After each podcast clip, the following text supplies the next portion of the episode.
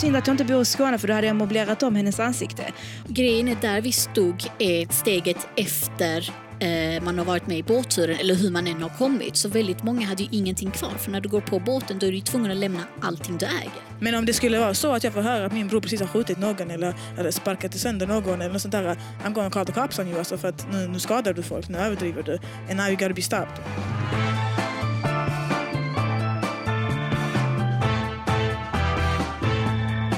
Hej alla lyssnare! Du lyssnar på podden Han in the Beast med mig Lina Taha.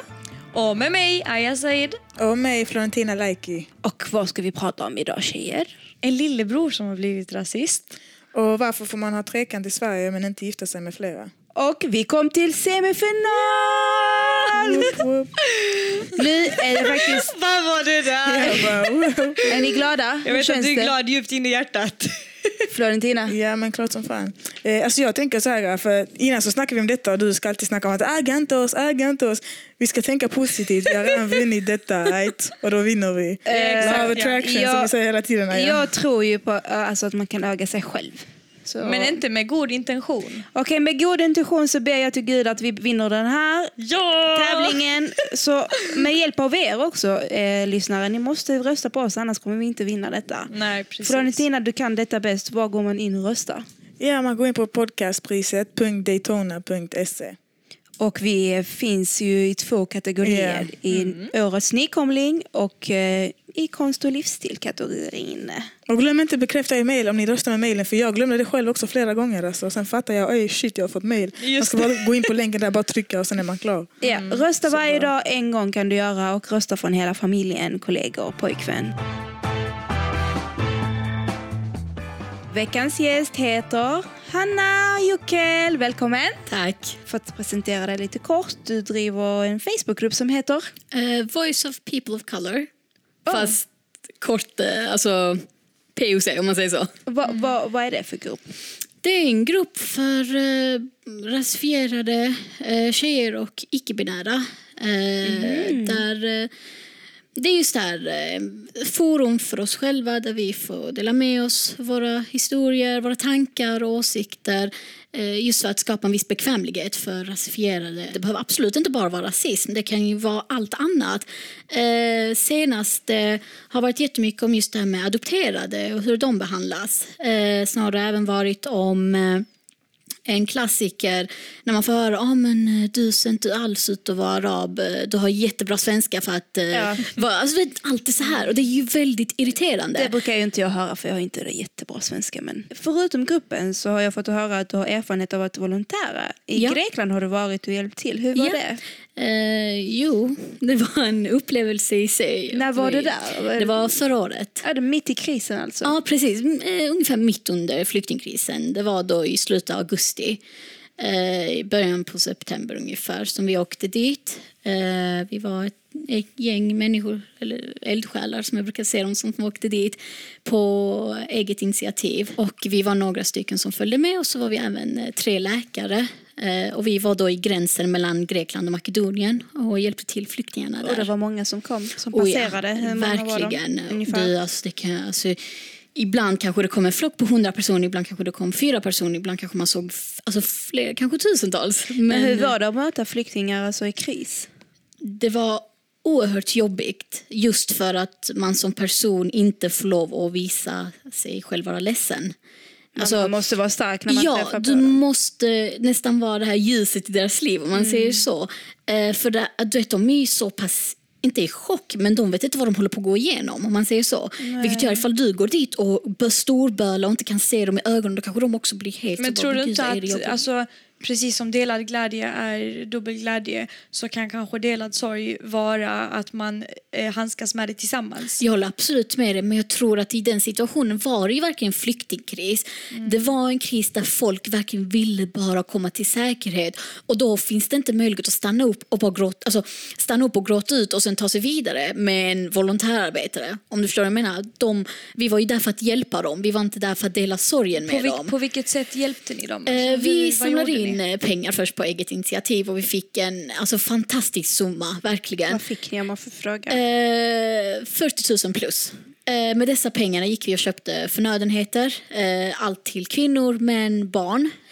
Eh, grejen är där vi stod, är, man kan säga det är steget efter eh, man har varit med i båtturen eller hur man än har kommit. Så väldigt många hade ju ingenting kvar. För när du går på båten då är du tvungen att lämna allting du äger. Vilket är även orsak till varför väldigt många bara har mobiltelefonen kvar som väldigt många reagerade Reagerar på. på. Ja. Eh, och det är just därför att de måste ha någon typ av bekräftelse för sina, alltså, nära och kära att de faktiskt lever. Och då står det ju, okej ska jag ha kläderna kvar i min mobil? Självklart väljer man sin mobil. Ja, alltså, grejen är ju det här med att alltså, vara volontär i Mm. ett land där det pågår flyktingskris. Ofta ser ju andra människor, att många kan irritera sig på det här och säga att men, du är där liksom bara för att få en bra karma. Du, vet. Alltså, du, du är där bara för att ja, få goda Alltså, jag handlingar. hatar att höra det Självklart. där. Det hatar och man jag måste, alltså, också många höra. menar ju på att man måste vara där ett tag för att få en förståelse för att verkligen vara ett volontärarbete och inte det här Mm. typ minisemester och så får jag se en bild av hur hemsk världen är. Absolut. Eh, om, jag nu, ja, om jag nu ska utgå från mig själv så eh, jag engagerar mig väldigt mycket i volontärarbete. Jag har sedan 16 år gammal varit med i Retoy som var en fantastisk organisation. Jag kan sen tipsa dig om det så får du ta dit gärna för jag tror hon hade gillat det. Och väldigt många frågar mig varför gör allt det här? Det är ju bara gratis. Och för mig handlar det om att det här är det sista jag kan göra. Alltså, ibland kan jag tänka att jag är så lycklig lottad som fick komma in till detta landet, som fick den här fantastiska uppväxten som Vi är kanske- minst sagt skyldiga Precis, det här är min, detta. exakt. Och det här är det minsta jag kan göra. Om det, om det ger lite glädje och lite hopp för människor om att saker blir bättre, då gör jag verkligen det. Var det många volontärer som tog bilder och la upp på Facebook och liksom uppdaterade sociala medier? Alltså, Eh, ja, jag gjorde det väldigt mycket. Eh, för mig handlar det inte om att bevisa, ah, men kolla jag volontärarbetar. Uh, för mig handlar det om att visa att det ni har lagt pengarna på faktiskt används. ja. Men jag tänker ju så här att det finns säkert jävligt många som, som åker och volontärabetar för att fylla på karmakontot eller Jo, för att se som självklart. bättre människor. Men jag, jag ser hellre att det händer än att folk bara chillar här och, Alltså och det jag brukar säga, nej men, Så jag matter. håller absolut med dig, men det jag brukar säga är, alltså, jag minns väldigt många äh, kunde snacka med mig, ah men gud jag hade också önskat att jag kunde åka dit, men eh, de kanske skyller på skolan och något sånt. Då sa jag till dem bara, alltså, en Facebook-status gör så mycket. Okej tjejer, ni har säkert sett alla mina haters. Jag måste, ha typ, jag måste typ ha li- livsvakt, heter det så? Livsvakt måste jag ha här framöver. Livvakt, ja. Livvakt. För att grejen är, jag vet inte vad problemet är, men jag blir typ jagad från grupp till grupp. Bara för att jag driver han in the bees. Är det bara därför? Lite attityd har jag, men det, det, det får mig på köpet. Nej men grejen är att eh, jag har faktiskt några tjejer från Kristianstad som eh, alltså, hänger ut mig i varje grupp. Du vet, som skriver så här, här är den finaste tjejen i Sverige och så lägger de upp en bild på mig. Alltså, grejen är att folk mår ju, eller det finns de som jag- tror att de mår bättre av att trycka ner andra. Och det är, jag, jag Men jag fattar inte att hur man kan hota en person. Det var en tjej som skrev, eh, eh, om jag, synd att jag inte bor i Skåne för då hade jag möblerat om hennes ansikte. Och då, när jag läser det här man kan tro att jag har dödat hennes släkt eller snackat om hennes heder. Men vet du, alltså- Nej jag vet inte vem hon är. Men jag menar, vet du varför det här händer? Block, jo men ofta så blir det när man blockerar. Vad är de gnälla på? Är det Eh, blockeringarna. Eller när de andra tjejerna i gruppen blockerar någon så blir de Alltså jag har ju sett vissa saker så här, jag menar inte vara- låta elak men jag vet inte hur du för dig annars privat eller hur du snackar med folk privat eller folk har issues med dig på grund av det. Men det jag har sett till exempel ibland på gru- i gruppen är att alltså Lina kan skriva jag ska iväg nu, du vet jag kan inte vara aktiv på sociala medier, ni får skriva till de här, de här personerna. Det där kommenterar folk, Ey, har du sett mitt PM? Man bara, fattar inte ni, alltså förlåt mig men fattar inte ni vad hon precis skrev? Och sen blir det den, dissar man det eller skiter man i att svara på något, så- alltså blir vissa- aggressiva. Många blir sura för att jag inte svarar på meddelanden faktiskt. Och så säger de när hon leker Beyoncé. Och jag lovar, jag är inte Beyoncé, jag önskar jag var Beyoncé. Då hade jag inte suttit här, då hade jag varit i USA. Och sen Mohammed kunde ha varit Jay-Z. Alltså perfekt! perfekt! Alltså, det är oss. Men jag känner Men det är inte att det, jag tänker också så här, du vet, det verkar vara jättemånga i den gruppen som är missnöjda med vad som sker i gruppen och typ hur den drivs och folk som driver den och bla bla bla. Men alltså jag tänker så här ibland, fan det är en Facebookgrupp, du får Det är bara en jättegärna gå ut. Facebookgrupp. Men det är det alltså det finns det, en knapp att- där, gå ur gruppen. Ja men precis, det finns ju Alltså man kan ju alltid kontakta någon av admins, behöver ju inte alltid vara dig och klar, kanske berätta om det här stör jag mig på. Till exempel det här med eh, podden, att jag tyckte det var synd att vi inte diskuterade. Vad gjorde jag? Jag skrev ett inlägg bara, hallå varför skapar vi inte ett inlägg där man kan diskutera podden? Ah, det var du. Ah, var det du? Florentina, jag såg att någon kallade dig för lilla printare. Ja. Nej, Man får nya... Alltså, Det var någon nya som påstod alltså, i en grupp där de snackar skit. Så påstod de för att jag sa så här, men kom igen. Jag, det var någonting jag sa för ibland tycker jag när folk beter sig trögt så vill man svara på det.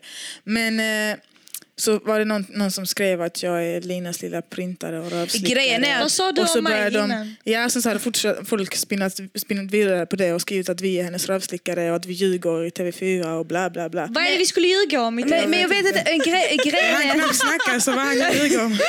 tio minuter i tv och du har ljugit för hela befolkningen. Men, men grejen är att det handlar om att det är inte ni som skickar screenshots på vad som skrivs om mig i andra grupper. Jag kan säga så här, så fort någon nämner mitt namn i en annan grupp, jag har 10 PM om det. Vi kan ta det här senast, för en vecka sedan så satt jag och lajvade med min man hemma. Eh, en tjej hade filmat detta och lagt upp det i en annan grupp eh, på Facebook, jag behöver inte nämna namn.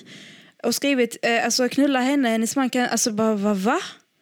Va? Vem är du? Alltså, va, hur, kan, hur kan du uttala dig med en person som du aldrig har träffat? Men hur känner du när du får all det här hat? Alltså kan du ignorera det? Först blev jag faktiskt jätteledsen i början. När jag, detta är ganska nytt ändå. Jag har inte fått så här många haters som jag har nu.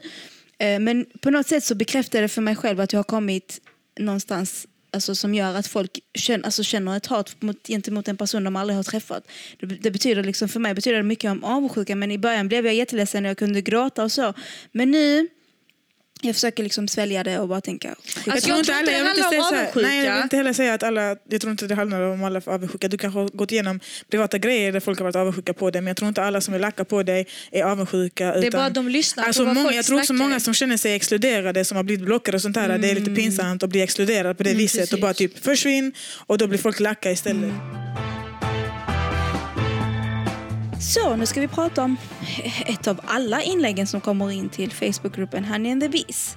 Det här inlägget handlar om en lillebror som har gått och blivit en rasist. En tjej skriver i gruppen då, eller via ett anonymt inlägg att eh, hon har kommit hem, hon har sett massa rasistiska eh, grejer i hans dator. Den här lillebror använder n-ordet och ja, han beter sig liksom väldigt rasistisk. Och han är bara 17 år och nu känner hon, alltså systern då, och mamman att de har bara ett år på att uppfostra honom för sen blir han 18, sen kommer han flytta och sen står det också att han kommer få en miljon. Han kommer ärva en Från miljon. ingenstans? Ja, ja, men- Vad är det? Kan vi också få en miljon när vi blir 18? vi kan dela på den. Nej, men den här tjejen är ju också lite rädd för att hon har en mörkhyad eh, pojkvän. Och hon vet inte hur hennes lillebror kommer att agera när, han, när pojkvännen kommer och hälsa på. Eh, vad gör man egentligen när ens lillebror blir rasist? Och då, alltså, då behöver man ju inte vara svensk. Ska man skaka den här lillebror? Ska man prata med honom? Hur ska man få honom att förstå att det han tänker är fel och att det inte är... Alltså jag hade tagit honom till en historielektion och bara satt han där och var, låtit han fatta hur dessa tankar har kommit upp, varifrån de har kommit upp. Jag hade, jag hade, jag hade velat umgås med hans vänner som förmodligen då har påverkat det här tankesättet eftersom att vår omgivning påverkar oss jättemycket. Så jag antar att eftersom att hon, hon och mamman inte tycker likadant som honom då har ju inte detta kommit från hemmet, det har kommit från yttre faktorer. tycker, ni, tycker ni att hon ska presentera pojkvännen som är mörkhyad eller ska hon vänta med tills Alltså, han har 17-åringar samlat ihop sig, lillebror? Alltså jag hade gjort det ändå. 17-åringar är Jag hade, sagt, jag hade sagt till min, till min dude, "Ey, boss, du vet min bror är helt störd just nu. Han umgås med fel folk tror jag. Han tror att han känner så här. Boss, du vet, you're prepared on it. Vill inte du träffa killen, that's up to you. Jag tror inte han hade ens vel, han hade ens varit i samma rum. För att så som han, alltså om han är Ja. så inställd på Ja, detta, då hade han inte ens velat vara i samma Hanna, rum. Hanna du, veckans gäst. Vad känner du kring Alltså jag detta? håller med eh, precis vad det, det hon sa. För att eh, just det här att ingen föds som rasist. Det kommer från någonstans. Men om det är din egen lillebror kan du ju faktiskt sätta ner och bara, men hallå, hur känner du? Alltså, varför känner du så här? Var har detta kommit ifrån? Varför känner du så här? Liksom, Man kan hur... göra släktforskning. Jag tror han vet var han kommer från för... Ja, de Nej men alltså inte det här med vart du kommer Jag menar Men det är inte liksom alltid så himla enkelt att Absolut så här, alltså, inte. Men det man måste göra är att samtidigt på något sätt få fram att lyssna, jag kommer respektera dina åsikter så länge du respekterar mina. Samma sak som att jag kommer respektera dina åsikter så länge du respekterar min eh, pojkvän, exempel, som han är nu eh, svart så att säga. För jag läste att personen i fråga har sagt att det är omöjligt att prata med honom. Men egentligen är det inte det. Det handlar om att det går inte på en dag. Men Det det, tänk, exakt, tänker jag själva, tid. om han är så pass rasist, han, det är omöjligt att prata med honom. Har hon Men sett sen- tecken innan, tänker jag? Men det är hur, det. Hur, hur kom detta nu från ingenstans? Men det är Alltså, många jag, som vänder så. Alltså jag minns ju, jag gick i en skola i Osby. Eh, där, på den tiden var det inte så många invandrare eh, eller mörkhyade. Eh, och det var vissa svenska killar som bara vände från dag till natt och blev liksom rasister och tog vissa Men sånt, invandrarkillar. är, sånt är lätt att motverka tänker jag. Om det har hänt på Men så kort tid. verkligen, Då, det vi måste förstå är att vi alla faktiskt har fördomar. Det är ingenting vi kan förneka. Det som är mänskligt är att man successivt försöker arbeta emot dem. och förstå sina Ja, fördomar. precis. Och det är det jag tycker rasisterna fastnar för att det handlar väldigt mycket om okunskap. Att de fastnar i sina fördomar och är inte villig att tänka om. Florentina. Men jag tänker också att man kanske ska kolla lite på om, om jag hade tänkt efter min lillebror till exempel. Hade det hänt min lillebror så tänker jag, känner, eh, har killen lätt för att känna empati för andra människor eller, eller inte? Jag tror att med den här 17-åriga killen, han vill inte känna empati för någon annan utan han vill gå sin egen väg och leva själviskt. Och just nu kan jag tänka mig att det kanske är ett umgänge som gör att han har det bekvämt där medan han hatar på andra och därav så kör Och det han det racet. Så jag tror också att du måste få din lillebror att känna empati för andra människor på Men sen- olika sätt. Be sneaky with it. Precis. Men tjejer, ni får inte alltså. glömma att det är alltid lätt att prata men i verkligheten är det jättesvårt. Han kan bara säga men håll käften jag vill inte höra, Alltså, jag skiter i samtidigt- kom dit. vi åka till Grekland på en charterresa och sen, och sen tatt han dit han har varit. Alltså det, behöver inte vara så att man bara Åh, nu ska vi ha historielektion.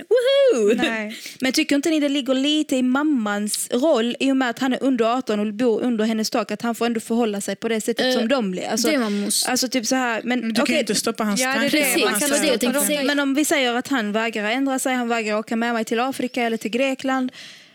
Kan man leva med sin lillebror som är rasist? Går det att acceptera det? Jag tror faktiskt att det går. Helt ärligt. Eh, Ron, vi går ut på stan. Vem, alltså vem som helst kan vara rasist där. Vi har så många smygrasister ja, idag och det också. jag tycker verkligen är att man då klarar från första början och säger exempelvis nu, Lina jag vet att du är rasist men jag vill helst inte att vi ska snacka om politik. Jag vill inte höra dina kommentarer om människor. Håll dem för dig själv. Exakt, Skriv ja. på Flashback om det så men kom inte till mig och snacka om det. Ja, ja. Eller- jag eller hade inte sagt så till min bror för jag tänker så här.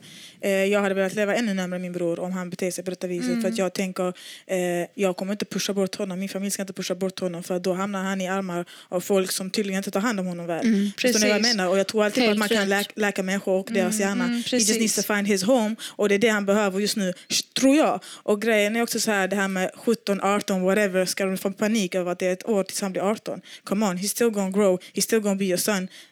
Alltså, förstår du? Ta det lugnt, få inte panik utan bara håll honom nära er som fan. Släpper man människor som liksom sitter i skiten redan, då hamnar de, då hamnar Det de oftast ännu ännu längre ner i Precis, och skiten. det kan vi redan se med EE-soldaterna som flyttar, väldigt många ungdomar. Och Det handlar just om det här att de inte har fått det här stödet kanske hemma eller i skolan eller var som helst, att de inte har känt grupptillhörighet. När du inte känner grupptillhörighet då söker du till andra och då har det varit att de har hittat rätt person och bara men du kom till oss, vi erbjuder dig vänner och kvinnor och Helt allt sånt rätt. här. Och jag tänker på den här behovstrappan som, Precis. som, som eh, han psykologen Maslow snackar om jättemycket. Precis. Och, eh, och jag menar, är det så att de här grundläggande behoven hos den här pojken då inte är uppfyllda som trygghet då är det jättesvårt. Så att mamman och ja, familjen helt enkelt borde gå tillbaka till att titta på den. Men- helt Precis. enkelt. men alltså, har vi, ha, har vi, gjort, har vi liksom skapat en säker miljö för, för vår... Men vi säger så här också, du vet alltså.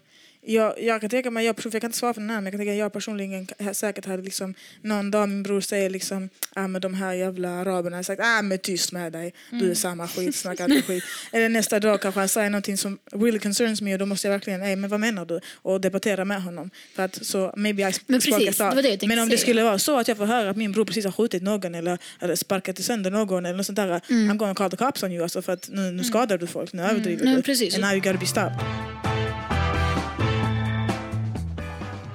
Men hörni tjejer, det, var, det kom faktiskt ett annat inlägg till gruppen, Facebookgruppen eh, som fick mig att fundera. Och det är en tjej som skrev att hon har haft trekant med sin pojkvän och hans vän. Och hon känner väl nu i efterhand att hon har pajat deras vänskap. Um, för han, eh, hon kände väl att kompisen blev småkär i henne efter det här.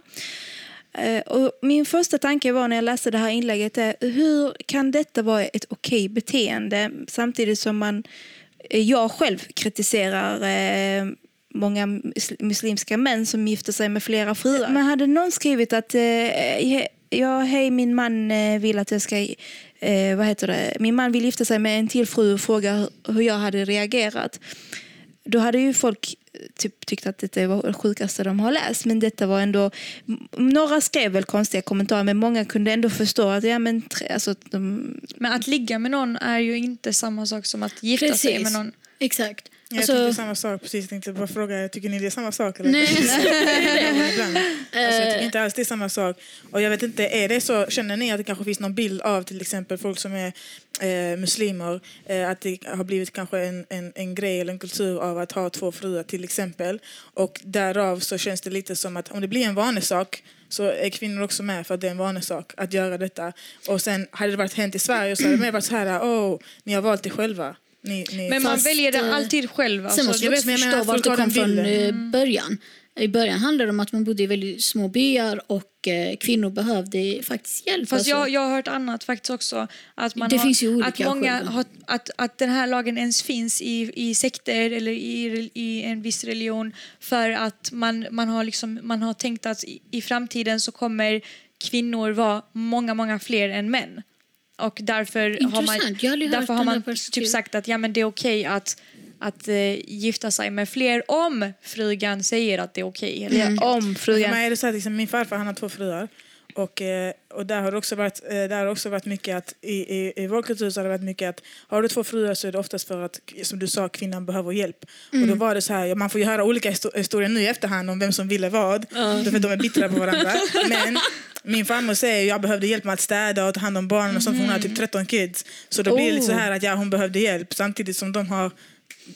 hamnat i en relationship som de inte skulle hamna i och whatever that kind of drama is. Men jag menar på att jag fått höra mycket att det handlar om lever att de de alla behöver tre? hjälp. De behöver hjälp och jag tänker att bor jag här i Sverige och aldrig upplevt det där och inte har sett hur det funkar så hade jag tänkt men hur kan man, hur kan man ha två fruar för att man behöver hjälp med att städa och sånt där. That's not right. Men det är det, That's och sen bor vi i ett helt tänkt nytt så samhälle. och här hade jag tänkt liksom okej ni har själva valt att vara tillsammans med den här killen, ni två brudar. Eh, kudos to you att ni gör vad ni vill. Det- Jag tror det är den bilden folk har alltså. Att det är där Men lite mer... Sen, Florentina, bor de alla tre i ett hus, i huset Min tillsammans? pappa bor uppe i bergen, hon ena bor i stan, hon andra bor...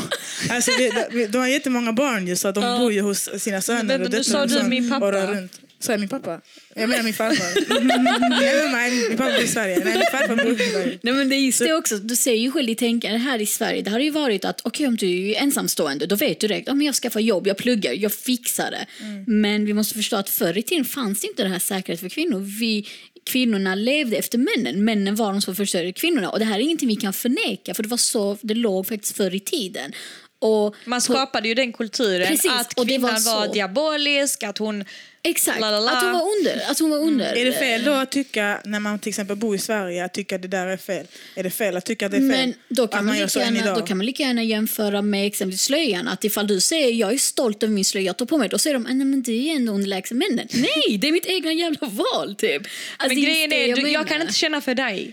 Alltså jag kan inte känna för dig. Vad du känner, jag kan inte, jag kan inte påtvinga dig min känsla. Nej men precis. Så varför ska vi alltså, ens tjafsa Nej, alltså det, för Nej, mig, men för mig var det bara en tanke. En Det var bara en tanke för jag bara kände att jaha, okej, detta är normalt typ. Men hade jag skrivit, alltså hade det varit Men tycker du det är samma sak att gifta sig och ha sex med någon? Alltså någon det är inte samma sak men det är fortfarande, alltså för mig är det inte, det är Jag tror även väldigt många har just den här relation. Alltså, nej men eh, känslan att de jättegärna vill vara i flera förhållanden men just att i och med att det har blivit så eh, alltså icke-normaliserat i samhället så blir det att de kanske fortfarande lever i sin egen hemlighet och det är det som skapar exempelvis otrohet. Alltså trekant är ett val du gör med din partner förhoppningsvis. Eh, ett Och inte med äktenskap, ja, exakt, äktenskap är så mycket mer. Där handlar det om att man ska bo tillsammans och leva tillsammans. Och, eh, just allt det här. Man har alla tror- dessa löften som man, Precis. som man liksom och jag tror det som gör att det inte blir tillåtet är just därför att eh, först och främst är det ju kulturen i sig. Sen tror jag även att vi kan inte lägga in religiösa aspekter i det hela. En religiös aspekt är exempelvis islam säger att då ska du behandla alla, vad är det, fyra kvinnor, tre kvinnor Rättvis, eller rättvist. likadant. Och hur, hur ska vi veta det? Det är inte så att SUS kan komma hem till oss och bara hej, behandlar du alla dina fruar bra exempelvis? Jag har inte läst det själv. Eh, Jag har, jag har hört det av, av högt uppsatta religiösa människor. Men eh, jag ska inte heller faktiskt Man kan alltid göra en research. Alltså, Ja, ja, exakt, det det finns exakt, ja. jättemånga... Ja, ja, man får kolla upp det själv faktiskt. Källor. Är ni rädda för att snacka om saker nu? Bara för att Nej, nej, men jag- men alltså- Nej, det- Men jag tror det är just det här, om, du, om vi inte har läst Jag har det inte själva läst det själv, exakt, och sen ja, då ska Koranen, jag- är har hört att man tolkar det själv. Och jag man har hört det från man manliga, Jag måste lära mig arabiska så jag kan lära den rätt, läsa den rätta koranen och så inte jag har någonting fel. Man får inte fråga någon någonting utan ingen vågar säga någonting. Nej, förlåt. Jag kan avsluta med att säga att nej, kanske månggifte och trekant var kanske fel att jämföra. Ja, det tycker jag. med. Jag det är Men, bara, jag bara, men det är det. Vissa grejer är normalt i detta samhället men som när det kommer till någon annan, en annan religiös grupp eller någon annan etnicitet då är det, då är det, då är det va? Alltså va? Har du slöja på dig? Men, men, alltså först, eller har du niqab på dig? Men jag, säger, jag, säger, jag, jag rättfärdar inte någonting av det och jag rättfärdar inte att man ska gifta sig med fyra eller tre. Jag, hade, mm, jag vill inte säga vad jag hade gjort men jag hade inte accepterat det i alla fall. Men jag tror det är för att många bara drar med sig alltså, vanor från 500 år tillbaka. Drar med sig vanor. När man frågar dem varför, ja men this is how we do it. Och det är därför jag, verkligen valt det. This is how we do Är det i Sverige så tror jag på riktigt att det är något nytt som ni försöker komma på, som ni försöker välja själv. Det är det, så tänker jag. Men ja. Men, men, det du, men, hallå, alltså, men det du sa innan, att det är många som tror att, eh, eller många är emot det för att de tror att man är tvungen till det och inte att man har valt det själv. Och när det är ett förhållande, att man har en trekant i ett förhållande, då är det säkert någonting som någon har valt själv. Skönhetstips. Vi brukar ju alltid be gästen ta med sig ett skönhetstips till oss för vi behöver det. Ja. Har du med dig någonting? Balsammetoden. Oh, har, måste- du, har du testat den? jag, har den, jag kör den. Jag, har jag, kör måste Den är känna på ditt hår. Alltså balsammetoden är det bästa jag vet. Eh, balsammetoden går ut på att eh, du utesluter schampo helt. Du kör bara på balsam. Du har en balsam som är lite mer djuprengörande och sen har du en balsam som vanlig balsam. Jag har också kört balsammetoden när mitt schampo var slut och jag inte orkar köpa nytt. Balsammetoden en månad och du kommer se ett stort resultat eller annorlunda resultat. då. Tack Hanna. Tack så jättemycket Hanna för att du var med idag. Eh, och Ja, du som lyssnar, du som lyssnar, du som lyssnar vill du gästa oss också så som Hanna är här idag så får du höra av dig till Madeleine Håby, producent Nilsson. Eh, där vi, ja, du får gästa och prata med oss om det senaste i Han the Beast-gruppen på Facebook. Innan vi avslutar, snälla rösta på oss i podcastpriset. Florentina, Oh yeah, podcastpriset.daytona.se. in och rösta. Du kan rösta varje dag och vi finns med i två kategorier. Årets nykomling, konstig livsstil och vi borde egentligen vara med i bästa podden också. Eller den- hur? Den, Vad hände kategor- den kategorin finns inte. Men ja, rösta, rösta. Hej då allihopa! Hej då! Hej då. Honey and the Beast-podden produceras av produktionsbolaget Munk.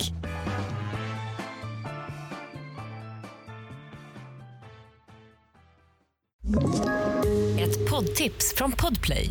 I fallen jag aldrig glömmer djupdyker Hasse Aro i arbetet bakom några av Sveriges mest uppseendeväckande brottsutredningar. Går vi in med hemlig telefonavlyssning och, och då upplever vi att vi får en total förändring av hans beteende. Vad är det som händer nu? Vem är det som läcker? Och så säger han att jag är kriminell, jag har varit kriminell i hela mitt liv men att mörda ett barn, där går min gräns. Nya säsongen av Fallen jag aldrig glömmer på Podplay.